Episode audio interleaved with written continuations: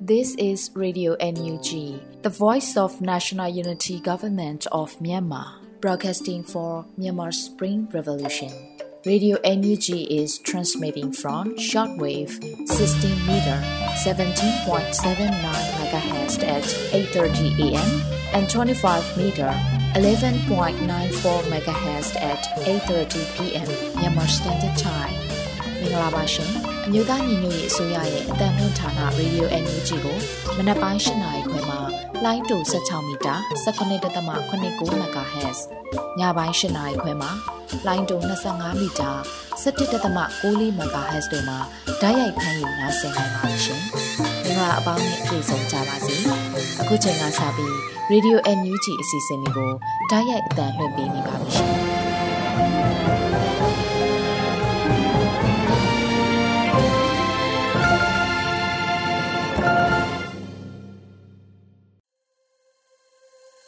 မင်္ဂလာမနက်ခင်ပါခင်ဗျာရေဒီယို UNG တောတာရှင်များနဲ့တကွာတော်လံပြည်သူပြည်သားပေါင်းဘေးပရာဝီကွာလို့ကိုရောစိတ်ပါကြမ်းပါကြပါစေဒီကနေ့ဖေဖော်ဝါရီလ10ရက်နေ့ရေဒီယို UNG ရဲ့မနက်ပိုင်းအတန်လွင့်စီစဉ်များကိုစတင်တော့မှာဖြစ်ပါတယ်ကျွန်တော်ကလွတ်လပ်နေဦးပါခင်ဗျာတောတာရှင်များဥဆုံးနားဆင်ရမှာကတော့ရေဒီယို UNG ရဲ့စစ်ရေးသတင်းကောက်နှုတ်ချက်များပဲဖြစ်ပါတယ် Sordes လူနေကဖတ်ကြားတင်ပြထားပါတယ်ခင်ဗျာ မင်္ဂလာပါခင်ဗျာခုချိန်အားစပြီး2024ခုနှစ်ဖေဖော်ဝါရီလ10ရက်နေ့မနက်ခင်းမှာတင်ပြပေးမယ်ရေဒီယို NUG စီးရီးသတင်းများကိုဖတ်ကြားတင်ပြပေးသွားမှာဖြစ်ပါတယ်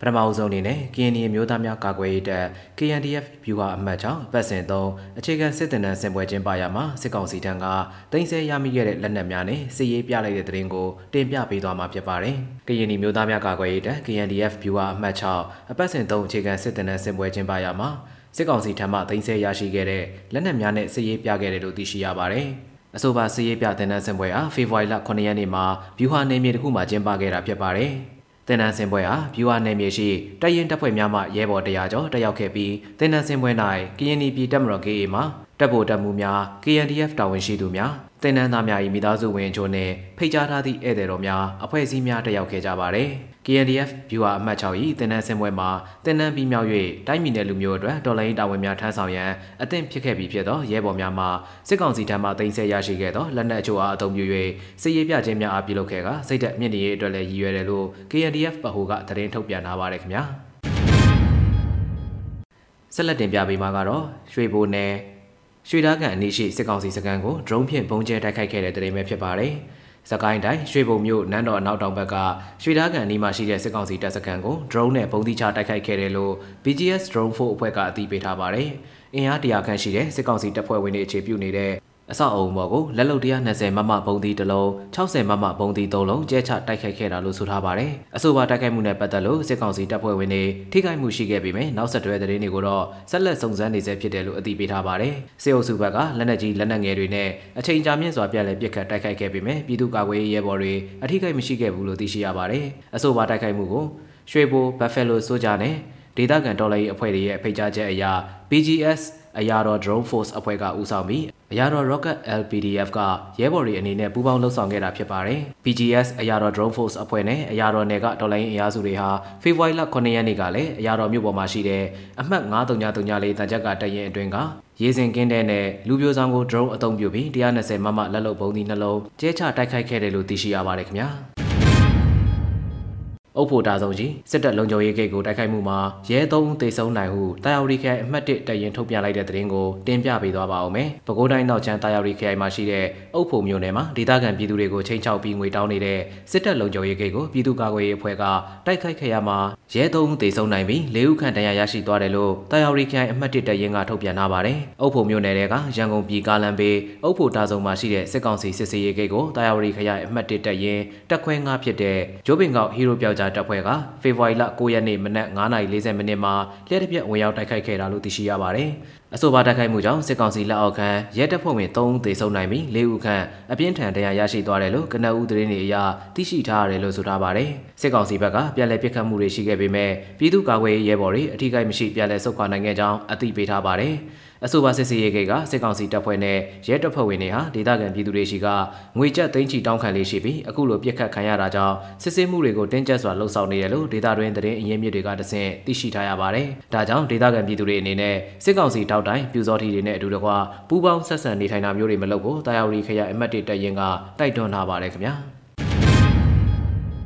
လောင်းလုံးမြို့နယ်မှာစစ်သည်မော်တစင်းကို drone ဖြင့်ဘုံကျဲတိုက်ခိုက်ခဲ့တဲ့တဲ့ရင်အားတင်ပြပေးသွားပါဦးမယ်။တနင်္သာရီတိုင်းလောင်းလုံးမြို့နယ်မှာစစ်သည်မော်တစင်းကို drone နဲ့ဘုံကျဲတိုက်ခိုက်ခဲ့ရမှာစစ်သား9ဦးအပြင်းထန်ဒဏ်ရာရရှိသွားတယ်လို့လောင်းလုံးမြို့နယ်ပြည်သူ့ကာကွယ်ရေးတပ်ဖွဲ့ LLPDF ကအသိပေးထုတ်ပြန်ထားပါတယ်။ ပင်လယ်ဝါကနေတဝဲမြစ်အတိုင်းတိုးဝင်လာပြီးတိုက်ပွဲဖြစ်တာမရှိဘဲမြေကမ်းပြီးတစ်လျှောက်ကြေးရွာတွေကိုလက်နက်ကြီးလက်နက်ငယ်တွေနဲ့ရန်တမ်းပစ်ခတ်နေတဲ့အဆိုပါစစ်သည်မောကိုပြည်သူ့ကာကွယ်ရေးတပ်ဖွဲ့တွေပူးပေါင်းတိုက်ခိုက်ခဲ့တာဖြစ်ပါတယ်။တဝဲမြစ်တိုင်းဝင်လာတဲ့စစ်ကောင်စီရေတပ်သင်္ဘောစစ်သင်္ဘောအမှတ်423ကိုဖေဖော်ဝါရီလ6ရက်နေ့ညနေ6နာရီဝန်းကျင်မှာလောင်းလုံးမြို့နယ်ပြည်သူ့ကာကွယ်ရေးတပ်ဖွဲ့ LLPDF လိပ်ပြတပ်စုလောင်းလုံးပကဖနဲ့ Federal ဒူးဝင်းကျဲတပ်ဖွဲ့ FPF တို့က drone အသုံးပြုပြီးဘုံတိကျတိုက်ခိုက်ခဲ့တာလို့သိရှိရပါတယ်။တိုက်ခိုက်ခံရပြီးတဲ့နောက်စစ်သည်မောဟာမြေကြောင်းတစ်လျှောက်နဲ့မြေကမ်းဘေးမှာရှိတဲ့ခြေရွာတွေကိုစစ်တပ်တွေနဲ့ပစ်ခတ်ခဲ့တဲ့အပြင်လက်နက်ကြီးနဲ့15ချက်ထက်မနည်းပစ်ခတ်ခဲ့ပြီးပြန်လည်ထွက်ခွာသွားတယ်လို့ LLPDF ကပြောကြားခဲ့ပါတယ်။ဘုံတိကျတိုက်ခိုက်ခံလိုက်ရတာကြောင့်စစ်သည်မောထပ်ပိုင်းပျက်စီးဆုံးရှုံးမှုတွေရှိခဲ့ပြီးစစ်သား9ဦးခန့်အပြင်းထန်ဒဏ်ရာရသွားတယ်လို့ပြည်သူ့ကာကွယ်ရေးပူးပေါင်းတပ်ဖွဲ့ဘက်က drone ဒဇင်းဆုံးရှုံးခဲ့ရတယ်လို့လည်းသိရှိရပါတယ်။ စစ်တမော့အမှတ်423ဟာလောင်းလုံးမြို့ပေါ်တိုက်ပွဲဖြစ်တဲ့2023ခုနှစ်ဇန်နဝါရီလ30ရက်နေ့ကအနောက်ဘက်ပင်လယ်ကနေရေကြောင်းပစ်ကူအနေနဲ့လက်နက်ကြီးပစ်ကူပေးခဲ့တဲ့စစ်တမော့ဖြစ်တယ်လို့လောင်းလုံးမြို့နယ်ပြည်သူ့ကာကွယ်ရေးတပ်ဖွဲ့ LLPDF ကထုတ်ပြန်ထားပါတယ်ခင်ဗျာ။ ဆက်လက်တင်ပြပေးမှာကတော့ရေစကြိုမျိုးနယ်စင်ချောင်းပြူရွာမှာထွက်လာသောစစ်ကောင်စီနဲ့ပြူအိမ်စီးကားနဲ့ရှေ့ပြေးဆိုင်ကယ်အပစ်ခတ်ရာမှာနှစ်ဦးသေဆုံးပြီးလက်နက်နှစ်လက်သိမ်းဆည်းရမိခဲ့တဲ့တဲ့ရင်ပဲဖြစ်ပါတယ်။ရေစကြိုမျိုးနယ်စင်ချောင်းပြူရွာမှာထွက်လာသောစစ်ကောင်စီနဲ့ပြူအိမ်စီးကားနဲ့ရှေ့ပြေးဆိုင်ကယ်အပစ်ခတ်ခဲ့ရာမှာနှစ်ဦးသေဆုံးခဲ့ပြီးလက်နက်နှစ်လက်သိမ်းဆည်းရရှိခဲ့ပါတယ်။ ဖေဖော်ဝါရီလ9ရက်နေ့ရေစကြုံမြို့နယ်နေ့လယ်7:00နာရီခန့်အချိန်တွင်စင်ချောင်းပြွာမှထွက်လာသောအင်စည်းကားနှင့်ရှေ့ပြေးဆိုင်ကယ်ကိုပခုတ်ကူရေစကြိုကားလမ်းတနေရအရောက်မှာအနီးကပ်ပြစ်ခတ်တိုက်ခိုက်နိုင်ခဲ့တယ်လို့ရေစကြိုပကဖကအတည်ပြုဆိုထားပါတယ်။တိုက်ခိုက်မှုကြောင့်ပြူတအူးနဲ့စစ်ကောင်စီတအူးနေရာတွင်ရှင်းလင်းနိုင်ခဲ့ပြီးကားပေါ်မှဆင်ပြေသောစစ်ကောင်စီ9ဦးမှထွက်ပြေးပြီးနောက်မှလိုက်လံပြစ်ခတ်ခဲ့ရမှာဒဏ်ရာများနဲ့ထွက်ပြေးသွားခဲ့တယ်လို့သိရှိရပါတယ်။ ထိုတရားများဖြင့်ထွက်ပြေးသွားသောစစ်ကောင်စီ9ဦး၏နောက်ဆက်တွဲအခြေအနေများအားထပ်မံအတည်ပြုလျက်ရှိပြီး၎င်းတို့ကင်ဆောင်ထားသော G3 တလက်နှင့်ကာပိုင်တလက်တို့တင်ဆက်ရရှိခဲ့တယ်လို့သိရှိရပါသည်။အဲဒီနောက်ရန်သူလက်နက်များကောက်ယူပြီးသည့်အချိန်တွင်ပြည်သူ့ကာကွယ်ရေးရဲဘော်များအနေဖြင့်ထိခိုက်မရှိပြန်လည်ဆုတ်ခွာနိုင်ခဲ့ပြီးတိုက်ခိုက်မှုအားပြည်သူ့ကာကွယ်ရေးတပ်ဖွဲ့ရေစကြိုမြို့နယ်ပကဖနှင့်အတူပခုတ်ကူမြို့နယ်ပကဖတပ်ခွဲနှင့် Southern ရေစကြို PDF တို့ပူးပေါင်းတိုက်ခိုက်ခဲ့ခြင်းဖြစ်ကြောင်းသိရှိရပါတယ်ခင်ဗျာ။ ပခုတ်ကူမြို့နယ်ရှိကြောက်ကန်နဲ့လက်ပကံကြားတွင်ကင်းမုံဝင်နေတဲ့စစ်ကောင်စီတပ်သားများကာကွယ်ရေးအဖွဲ့များမှ RC plane ဖြင့်ဘုံတိကျတိုက်ခတ်ခဲ့တဲ့တဲ့ရင်ကိုဆက်လက်တင်ပြပေးသွားပါဦးမယ်။ဖေဖော်ဝါရီလ9ရက်နေ့မနက်9:00နာရီဝန်းကျင်ခန့်အချိန်တွင်မကွေးတိုင်းပခုတ်ကူမြို့နယ်ရှိကြောက်ကန်နဲ့လက်ပကံအကြားတွင်ကင်းမုံဝင်နေတဲ့စစ်ကောင်စီတပ်သားများအားမိမိတို့ကာကွယ်ရေးအဖွဲ့များမှ RC plane ဖြင့်ဘုံတိကျတိုက်ခိုက်ခဲ့တယ်လို့ Yan Force UG ကအသိပေးဆိုထားပါတယ်။တိုက်ခိုက်မှုအပြီးမှာစစ်ကောင်စီတပ်သားများဟာပြည်သူများနေသောကြေးရွာများအားလက်နက်ကြီးလက်နက်ငယ်များဖြင့်ရန်တမ်းပစ်ခတ်တိုက်ခိုက်ခဲ့တယ်လို့သိရှိရပါတယ်။စစ်ကောင်စီတပ်သားများရဲ့အထိကိဒဏ်ရာရှိမှုများကိုအသေးစိတ်စုံစမ်းနေပြီးတိုက်ခိုက်မှုကိုမြိုင်ပခုတ်ကူမဟာမိတ်အဖွဲ့များနဲ့တိုက်ပွဲပူးပေါင်းဖော်ဆောင်ခဲ့ခြင်းဖြစ်ကြောင်းသိရှိရပါတယ်ခင်ဗျာ။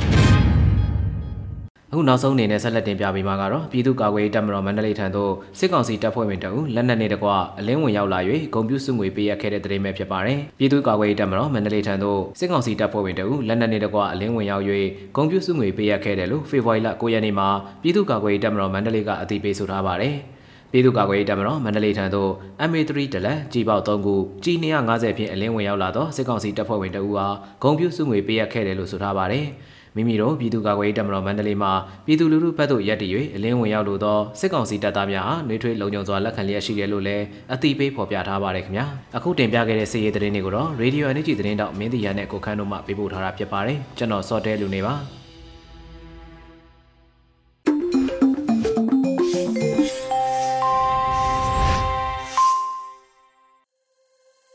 စစ်ရေးသတင်းများကိုနားဆင်ကြရတာဖြစ်ပါတယ်ခင်ဗျာအခုတခါပြည်တွင်းသတင်းများကိုလွတ်လပ်နေဦးကဖတ်ကြားပါဦးမယ်ခင်ဗျာ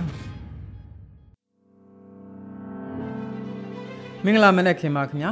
ရေဒီယိုအန်ယူဂျီတောတာရှင်များနဲ့တကွတော်လံပြည်သူပြည်သားအပေါင်းဘေးပရာဝီကွာလို့ကိုရောစိတ်ပါကြမ်းမာကြပါစေဒီကနေ့ရေဒီယိုအန်ယူဂျီရဲ့ဖေဖော်ဝါရီလ10ရက်နေ့မနက်ပိုင်းပြည်တွင်းသတင်းများကိုစတင်ကြေညာပါတော့မယ်ကျွန်တော်ကတော့လွတ်လပ်နေဦးပါခင်ဗျာ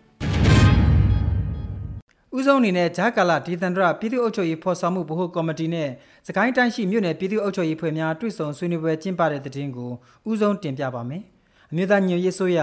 ဂျာကာလာဒီတန်တရပြည်သူ့အုပ်ချုပ်ရေးဖော်ဆောင်မှုဗဟိုကော်မတီနဲ့စကိုင်းတိုင်းမြို့နယ်ပြည်သူ့အုပ်ချုပ်ရေးဖွဲ့များတွေ့ဆုံဆွေးနွေးပွဲအစည်းအဝေးအမှတ်စဉ်ဆက်နေမြင့်ဆောင်2024ကိုဖေဖော်ဝါရီလ9ရက်နေ့ကကျင်းပခဲ့ကြပါတယ်။ အစည်းအဝေးသို့ဂျာကာလာဒီတန်တရပြည်သူ့အုပ်ချုပ်ရေးဖော်ဆောင်မှုဗဟိုကော်မတီအဖွဲ့ဝင်ကာကွယ်ရေးဝန်ကြီးဌာနဒုတိယအတွင်းဝင်မှအဖွင့်မှာစကားပြောကြားခဲ့ပါတယ်။ဆက်လက်ပြီးဝန်ကြီးဌာနတာဝန်ရှိသူများမှလုပ်ငန်းဆောင်ရွက်ချက်များရှင်းလင်းပြောကြားခဲ့ပြီးမြို့နယ်ပြည်သူ့အုပ်ချုပ်ရေးဖွဲ့ဝင်များမှမူဝါဒလမ်းညွှန်ချက်များလုပ်ငန်းဆောင်ရွက်ချက်များမြေပြင်အခက်အခဲများပေါ်သိရှိလိုတာများကိုမေးမြန်းဆွေးနွေးခဲ့ကြ၍ဝန်ကြီးဌာန၏တာဝန်ရှိသူများကပြန်လည်ဖြေကြားခဲ့ကြပါသည်အစည်းအဝေးကိုအမြဲတမ်းတွင်းဝင်များဒုတိယတွင်းဝင်များတွဲဘက်အမြဲတမ်းတွင်းဝင်များ ဌာနဆိုင်ရာမှတာဝန်ရှိသူများစကိုင်းတိုင်းရှိမြို့နယ်ပြည်သူ့အုပ်ချုပ်ရေးအဖွဲ့ခေါင်းဆောင်များအဖွဲ့ဝင်များတက်ရောက်ခဲ့ကြတယ်လို့သတင်းရရှိပါတယ်ခင်ဗျာ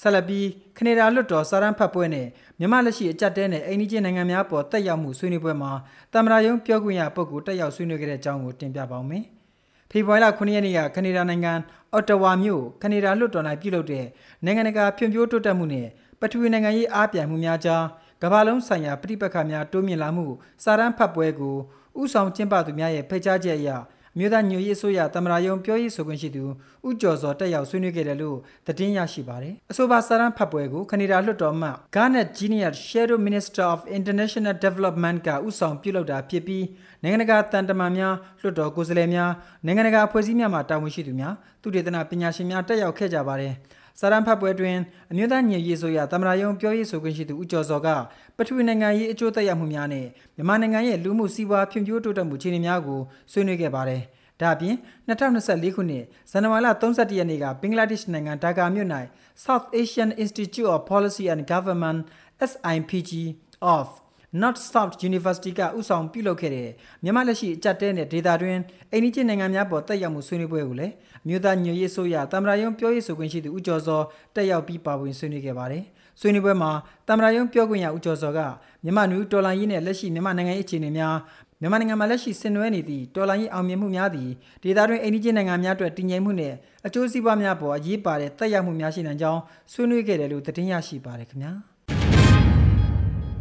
ဥပဒေမဲ့မတရားဖမ်းဆီးနှိပ်စက်တပ်ဖြတ်ခံရသောပြည်သူ4252ဦးတွင်အဖွဲ့ချုပ်ပါတီဝင်လွှတ်တော်ကိုယ်စားလှယ်2ဦးပါတီဝင်100ဦးနဲ့အသက်မပြည့်သေးသောကလေးသူငယ်314ဦးတို့ပါဝင်တဲ့အကြောင်းကိုတင်ပြပါမယ်။ဥပဒေမဲ့မတရားဖမ်းဆီးနှိပ်စက်တပ်ဖြတ်ခံရသောပြည်သူ4252ဦးမှာအဖွဲ့ချုပ်ပါတီဝင်လွှတ်တော်ကိုယ်စားလှယ်2ဦးပါတီဝင်100ဦးနဲ့အသက်မပြည့်တဲ့ကလေးငယ်314ဦးတို့ပါဝင်ကြောင်းအမျိုးသားဒီမိုကရေစီဖွဲ့ချုပ်ဗဟိုအလုပ်ကော်မတီကဖေဖော်ဝါရီလ10ရက်နေ့မှာသတင်းထုတ်ပြန်လိုက်ပါတယ်။ လူခွင့်ရေးမှတ်တမ်းကောက်ယူရေးအဖွဲ့အမျိုးသားဒီမိုကရေစီဖွဲ့ချုပ် HRDT NLD မှ2024ခုနှစ်ဇန်နဝါရီလ15ရက်နေ့ထိလက်လန်းမီသူရဲ့ကောက်ယူရရှိထားသောမှတ်တမ်းများအရ2024ခုနှစ်ဇန်နဝါရီလ15ရက်နေ့ထိဥပဒေမဲ့မတရားဖမ်းဆီးနှိပ်စက်တပ်ဖြတ်ခံခဲ့ရသောပြည်သူစုစုပေါင်း4252ဦးတွင်အဖွဲ့ချုပ်ပါတီဝင်လွှတ်တော်ကိုယ်စားလှယ်2ဦးဖြစ်ပြီးပါတီဝင်100ဦးနဲ့အသက်မပြည့်သေးသောကလေးသူငယ်314ဦးတို့ပါဝင်တယ်လို့ဆိုပါတယ် ဒါအပြင်အကြမ်းဖက်စစ်ကောင်စီသည်အမျိုးသားဒီမိုကရေစီအဖွဲ့ချုပ်အဖွဲ့ဝင်များနဲ့အဖွဲ့ချုပ်ရုံးများကိုတိကပြစ်မှတ်ထားကာခြေမုံရန်ရည်ရွယ်ရင်းရှိသည့်အတွက်အမျိုးသားဒီမိုကရေစီအဖွဲ့ချုပ်ရုံးများကိုအကြိမ်ကြိမ်ဖျက်ဆီးခဲ့ရာအဖွဲ့ချုပ်ဗဟိုရုံးရန်ကုန်3ကြိမ်တိုင်းနယ်ပြည်နယ်ရုံးများ15ကြိမ်ခရိုင်ရုံးများ6ကြိမ်မြို့နယ်ရုံးများ112ကြိမ်ရပ်ကျေးရုံးများ28ကြိမ်တို့ဖြင့်စုစုပေါင်းဖျက်ဆီးမှုကြိမ်ပေါင်း164ကြိမ်ရှိခဲ့တဲ့အကြောင်းသတင်းရရှိပါတယ်ခင်ဗျာ ဆက်လက်ပြီးကြိုက်မရောအချင်းတောင်မှနိုင်ငံရေးအချင်းသား48ဦးအစာငတ်ခံဆန္ဒပြနေတဲ့အကြောင်းကိုတင်ပြပါမယ်။မွန်ပြည်နယ်ကြိုက်မရောမြို့နယ်ရှိကြိုက်မရောအချင်းတောင်မှနိုင်ငံရေးအချင်းသား48ဦးဟာတောင်းဆိုချက်၃ချက်ရရှိရေးအစာငတ်ခံကဆန္ဒပြနေတယ်လို့မြန်မာနိုင်ငံလုံးဆိုင်ရာနိုင်ငံရေးအချင်းသားများကွန်ရက် PPNM ထံကသိရပါတယ်။ ဖေဖော်ဝါရီလ6ရက်နေ့မနက်10:00နာရီချိန်ကစတင်ကနိုင်ငံရေးအကျဉ်းသား48ဦးက၎င်းတို့ရဲ့တောင်းဆိုချက်3ရက်ကိုထောင်အနာပိုင်များကခွင့်ပြုသည့်အထိရက်အကန့်အသတ်မရှိအစာငတ်ခံဆန္ဒပြသွားမယ်လို့ဆိုပါတယ်။၎င်းတို့ရဲ့တောင်းဆိုချက်များမှာစုံစမ်းစစ်ဆေးမှုခံယူနေရတဲ့နိုင်ကျဉ်နှစ်ဦးရဲ့ကျန်းမာရေးကိုနေ့စဉ်စစ်ဆေးပေးရန်နဲ့အကျဉ်းတိုင်းမဟုတ်တဲ့အခြားတင့်လျော်စွာနေရာသို့အမြန်ဆုံးပြောင်းရွှေ့ပေးရန်စုံစမ်းစစ်ဆေးမှုပြီးဆုံးတာနဲ့မူလနေထိုင်ရာအဆောင်ကိုအမြန်ဆုံးပြန်လည်ပို့ဆောင်ရန်နဲ့အကျဉ်းသူကျဉ်းသားများကိုခေါ်ယူမေးမြန်းမှုများပြုလုပ်လိုပါက ထောင်ဖွင့်ခြင်းနဲ့သာပြုလုပ်ပေးရန်တို့ဖြစ်ပါတယ်။တောင်းဆိုတဲ့အချက်တွေအားလုံးကဖြစ်နိုင်တဲ့အချက်တွေကိုပဲတောင်းထားတာဖြစ်ပါတယ်။ဒါကထောင်ရဲ့ဥပဒေမှာပြဋ္ဌာန်းထားတဲ့အချက်တွေပေါ့နော်။တားမြစ်ချိန်နောက်ပိုင်းမှာအကျဉ်းသားတယောက်ကိုကျမ်းမာရေးအခြေအနေကအရေးပေါ်ဖြစ်တာကလွဲ၍ထောင်ပြောင်းတာကလွဲ၍အခုလိုမျိုးညပိုင်းကိုဥပဒေကိုကြော်လွန်ပြီးခေါ်ထုတ်တာကသူတို့ကိုယ်တိုင်ဥပဒေကိုချိုးဖောက်နေတာလို့ပြောချင်ပါတယ်လို့ PPNM မှကိုတိုက်ထွန်းကပြောပါတယ် ဖေဖော်ဝါရီလ၄ရက်နေ့ညအကျဉ်းထောင်ပိတ်ချိန်ထဲမှာအကျဉ်းထောင်တွင်လက်ကင်ဖုံတွေ့ရှိတယ်ဆိုတဲ့အကြောင်းပြချက်နဲ့အိတ်ဆောင်သုံးမှာကိုသက်မမောင်စိုးနဲ့ကိုသက်စောတို့နှစ်ဦးကိုလာရောက်ခေါ်ဆောင်ရိုက်နှက်ပြီးအကျဉ်းတိုက်တဲပို့ဆောင်ခဲ့တယ်လို့သိရပါတယ်။အကျဉ်းတောင်တွေကိုဝင်ရောက်ရှာဖွေခဲ့စဉ်ကဖုံးနှလုံးကိုအမှန်တကယ်လက်ဝယ်တွေ့ရှိခဲ့ခြင်းမရှိဘူးလို့အကျဉ်းတောင်ဝန်ထမ်းတို့ကအတည်ပြုပြောထားကြောင်းမြန်မာနိုင်ငံလုံးဆိုင်ရာနိုင်ငံရေးအကျဉ်းသားများကွန်ရက် PPNM ကထုတ်ပြန်ချက်မှာဖော်ပြထားပါတယ်။ဒါကြောင့်ကြံမီရောအကျဉ်းထောင်မှာကျင်းသူအကျဉ်းသားများကိုစစ်ဆေးရမှာ တရားလက်လွန်မဖြစ်စေရေးလူခွင့်ရေးနဲ့ညီဆောင်ရွက်ရေးကျမ်းမာရေးဆိုင်ရာလွယ်တကူရရှိနိုင်ရေးအတွက်ယခုတောင်းဆိုချက်၃ရပ်ကိုတောင်းဆိုခဲ့တာဖြစ်တယ်လို့အစာငတ်ခံဆန္ဒပြနေကြတဲ့နိုင်ငံရေးအကျဉ်းသားများကအသိပေးထားပါတယ်။အစာငတ်ခံနေတဲ့ရက်အနေငယ်ကြာမြင့်လာပြီးဖြစ်တဲ့အတွက်၎င်းနိုင်ငံရဲ့အကျဉ်းသား48ဦးရဲ့ကျန်းမာရေးအခြေအနေမှာစိုးရိမ်ရတဲ့အခြေအနေမှာရှိလာနေပြီးထောင်အာဏာပိုင်တွေဘက်ကတော့ဘယ်လို့မှတုံ့ပြန်မှုမရှိသေးဘူးလို့သိရပါတယ်။ ဒါပြင်၎င်းအစာငတ်ခံဆန္ဒပြနေတဲ့နိုင်ငံရေးအကျဉ်းသားများကိုဝန်ရံတဲ့အနေနဲ့နိုင်ငံရေးအကျဉ်းသား164ဦးကလည်းအကျဉ်းထောင်မှာပေးတဲ့အစားအသောက်များကိုစားသုံးခြင်းမပြုဘဲတပိတ်မှောက်ကတောင်းဆိုမှုမှာပူပေါင်းပါဝင်နေတယ်လို့လည်းသိရပါတယ်။ကြံမီရောကျင်းထောင်မှာနိုင်ငံရေးအကျဉ်းသားများဟာ2022ခုနှစ်ဒီဇင်ဘာလ9ရက်ကလည်းဒဂုံတက္ကသိုလ်မှာကျောင်းသား9ဦးဟာစစ်ကောင်စီကတေတံချမှတ်ခဲ့တဲ့အပေါ်စန့်ကျင်တဲ့အနေဖြင့်အစာငတ်ခံဆန္ဒပြခဲ့ကြပါသေးတယ်ခင်ဗျာ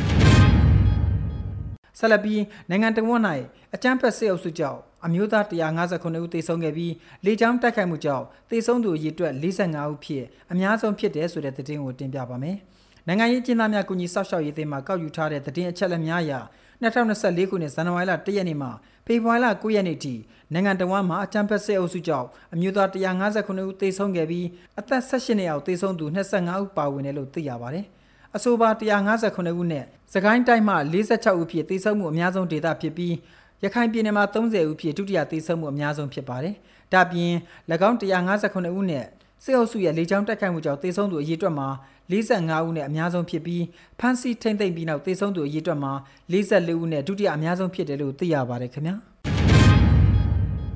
Freedom Tattoo Campaign ပိတ်ပွဲနဲ့ ကန်မမဲနိုင်ပြတဲ့အစီအစဉ်ကိုဖေဖော်ဝါရီလ23ရက်နေ့မှာကျင်းပမယ်ဆိုတဲ့သတင်းကိုတင်ပြပါမယ် Freedom Tattoo Campaign ပိတ်ပွဲနဲ့ကန်မမဲနိုင်ပေးမယ့်အစီအစဉ်ကိုဖေဖော်ဝါရီလ23ရက်နေ့မှာကျင်းပမှာဖြစ်ကြောင်း Freedom Tattoo Campaign ဖြစ်မြောက်ရေးကော်မတီကအသိပေးဖော်ပြလိုက်ပါတယ်ဖေဖော်ဝါရီလ23ရက်နေ့ဗိုလ်ချုပ်မွေးနေ့မှာ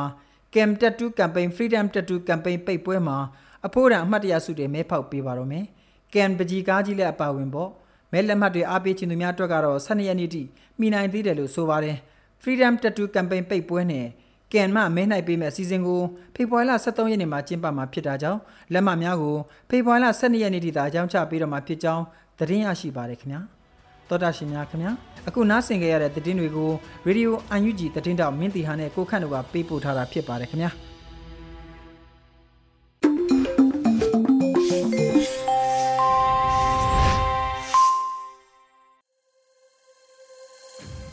ရေဒီယိုအန်ယူဂျီမှာဆက်လက်တန်လှည့်လျက်ရှိပါတယ်ဆက်လက်အလှည့်ကြတာကတော့တော်လိုင်းတီဂီတာအစီအစဉ်ဖြစ်ပါတယ်တေးရီတေးဆိုဖြူဖြူကြော်သိန်းရဲ့ကောက်ရိုးမီဆိုတဲ့တခြင်းကိုနားဆင်ရပါတော့မယ်ခင်ဗျာ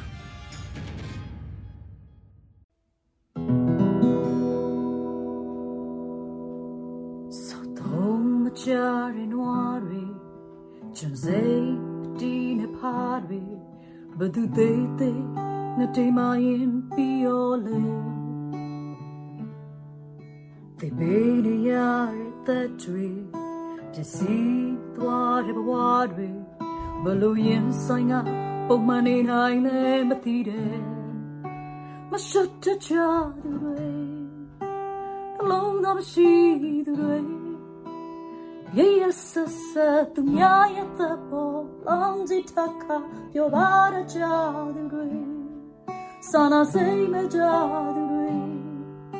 ဆဆသူများရဲ့သဘောလောင်စီထခါပြောပါရ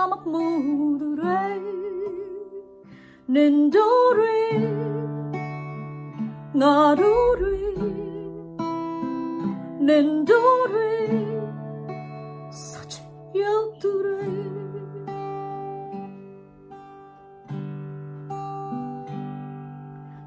နာမေကမေလွယ်တဲ့အချိန်ပြီးလိုက်ရင်အိတ်ကတဲ့ခုံစင်ကောင်းငင်ကျူးဆွေရာကမြင်ပြောပါမခတတ်ဒီနေမတုံတရားမှုမမြဲနာလွယ်ကိုအသာ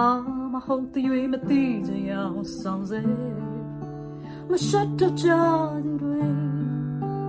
လောင်းသာမရှိသူတွေ ရဲ့သက်ပေါ်အောင်စိတ်ထခါပြောပါရကြသူတွေစာနာစိတ်မဲ့ကြသူတွေတကောကောင်းစိတ်ကြည့်သူတွေအတားကြီးတဲ့ကောက်ရိုးမိဖြစ်ခါကိုသာလွယ်ရင်ဘာမှမမှု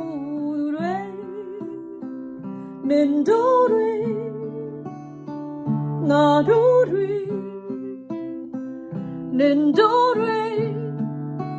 ငါတို့တွေ Nendore Sauce Yoture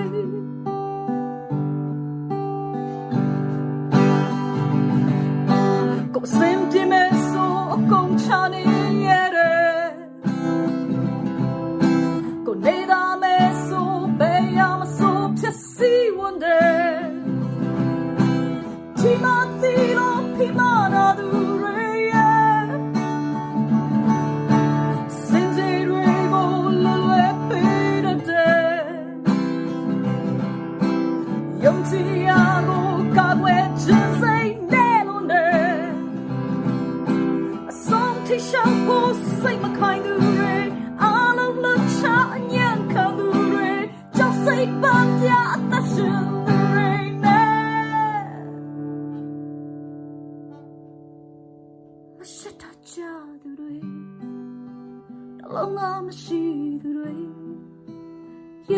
ဆက်ဆက်သူများရဲ့သက်ပေါ်လောင်ကြည့်ထခါပြောပါကြသူတွေစာနာစိတ်မကြသူတွေတကူကောင်းစိတ်ကြည့်သူတွေအတားကြီးနဲ့ကောင်းရိုးမိဖြစ်ခါကိုသာလွယ်ဘာမှမမှုသူတွေနင်တို့တွေ ငါတို့တွေ Nendore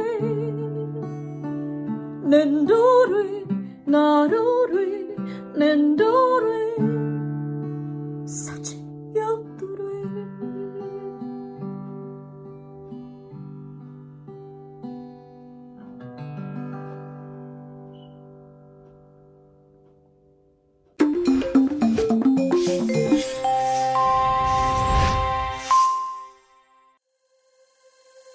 မျိုးသားညွေရေးဆိုရဆက်သွယ်ရေးသတင်းချက်လက်နဲ့ဤပညာဝန်ကြီးဌာနရေဒီယိုအန်ယူဂျီရဲ့မနေ့ပိုင်းအသံလွှင့်စီစဉ်များဖြစ်ပါတယ်။ဒီကနေ့နောက်ဆုံးစီစဉ်နေတဲ့တိုင်းသားဘာသာစီစဉ်မှာတော့ချိုးချင်းဒိုက်ဘာသာသတင်းထုတ်လွှင့်မှုစီစဉ်ကိုနားဆင်ရဖို့ရှိပါတယ်။ဒီစီစဉ်ကိုချိုးချင်းဘာသာထုတ်လွှင့်မှုအဖွဲ့နဲ့ရေဒီယိုအန်ယူဂျီတို့ကပူးပေါင်းစီစဉ်တင်ဆက်ထားတာဖြစ်ပါတယ်ခင်ဗျာ။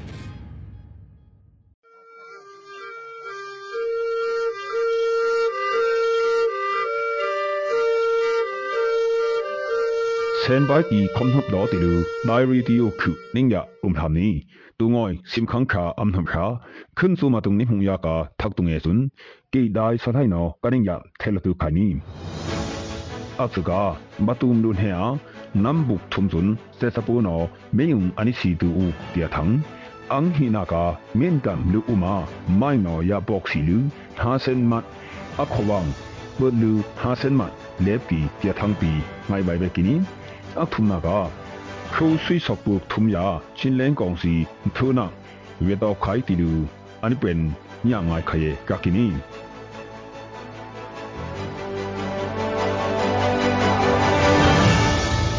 မတူလွန်ဟဲအားနမ်ပုထုမာစေစပိုနောကူကပ်ယမ်ပူအီမာဦးလူနမ်စွန်းမေယုံအနိစီဦးတီလူဘတ်တွန်ဟဲပခောက်ကုမနောပက်ကီနီစစ်စုခာအမ်ကုံ ပလက်ဝါဒါခူလူတောင်းစန်တော့ကီစေစပူစွနောลุงปังนามาเบโซสัญญานาอูลูอังอยุงสันตันนามาเซยุงอิมมิยุงอานิสยากากินีอาสุนานับทุมุงกาสังเกชลิงฮีสูลายามอักเซกูกับอักลบลาปีอันยาปรอกซีติลูทังงเวกินีตูคาอักซุมหปุงปีบาตูงอกีเซสะปูนอทำดมลลู မင်းတတ်လမ်ဒါဘုပပေါ်ဝိုင်လူ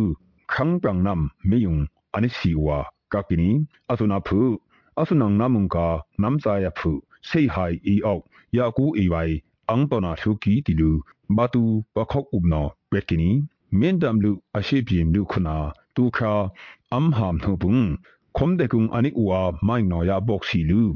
akhokum khalik phu loki humi sa mat akhowang บุตกี อันิปยากากินีกอนานาเซนมัดปีเลมสิกีติลูทั้งหัวกากินีอาสุนพอยสุนคาลายะทั้งฮิกนุคุกิบยักพูทิดคอนลีเซซางอทนันเซยุงาเซยามตุมเซงอุลูอาสุสุตายามตุมเซงบูเตนไวทุไคติลูทั้งอันิกุหัวกากินีมินตาตาမိုင်းအပေါ်ကဖုအဆုံဆုံလေပြေတူကမုံပီဝမ်စုမုံငုံပီယာ စေစပူနောအနိမ်ဇွန်မိုင်နောယာပေါက်စီလူအဆက်မဟာကိဘလော့ကီပါမီမတ်တီလူတောင်ပူလူကောင်းယာနိခွန်လီစေဆာငေါထနာအနင်းလာကပီ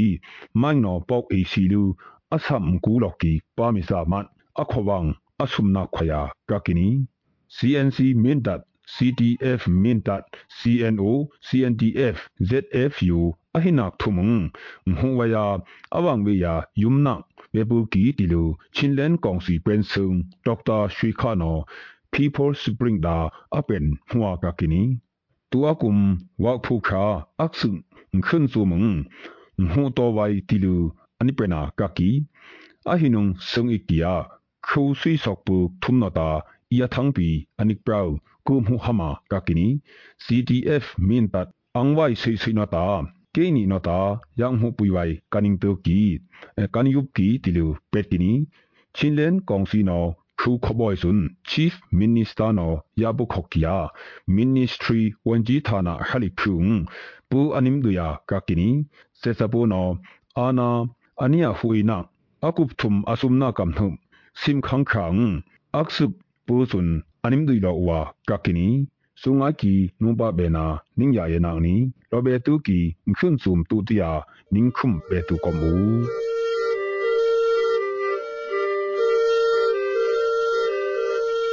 အကုံတူလူဘခွာဒေကုံအနိကူအာမန်ယာပေါက်လူတီကီဘုံယန်ယာဆောင်တောက်အီလူခန်းအကလုံတီကူလေမ်ဘွိုတီနီခ ොම් ဒေကုံအနိကူမန်ယာဘုံယာနေဆွန်း am yukuma ani prana kaki aklum akli apelep apulum angtun aksak anghum tiareki ahine hin ku kau e se ulu adupsa nin heong pi pok lui thikiani asuna phu hina ku e seki songtok e ang chawaya atuilam humat wai thukini mdekung ani uwa บุงยาเนหินอาทานุงบุกอเวนาอาทิทายาบุกอเวนาทุนาเวกยากากีอาสุนาทุนนันิวับพังยามสิงนาเกนันิยาบุมสีไว้ปอกโดยทิกเกสุนกูนันิยาเฮคอยบิงบิงไว้อาสุเนสุนอักลมาปอกอุลูยาเลมซูทีกุกสักขอกินี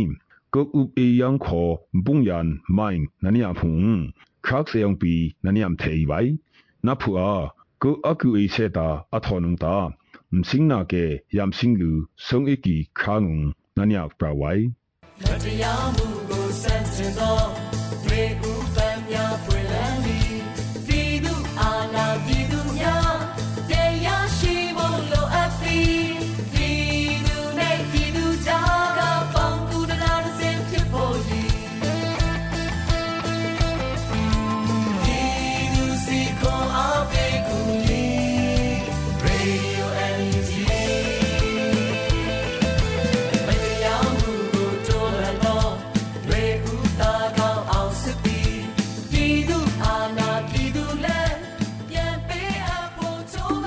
ဒီကနေ့ကတော့ဒီညနဲ့ပဲ Radio NUG ရဲ့အစီအစဉ်လေးကိုခਿੱတရနာလိုက်ပါမယ်ရှင်။မြန်မာစံတော်ချိန်မနက်၈နာရီခွဲနဲ့ည၈နာရီခွဲအချိန်တွေမှာပြန်လည်ဆုံတွေ့ကြပါစို့။ Radio NUG ကိုမနက်ပိုင်း၈နာရီခွဲမှာလိုင်းတူ16မီတာ19.8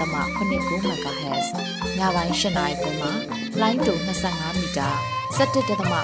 MHz တို့မှာဓာတ်ရိုက်ဖမ်းလို့နိုင်စေနိုင်ပါပြီ။ မြန်မာနိုင်ငံသူနိုင်ငံသားတွေကိုစိတ်နှပြ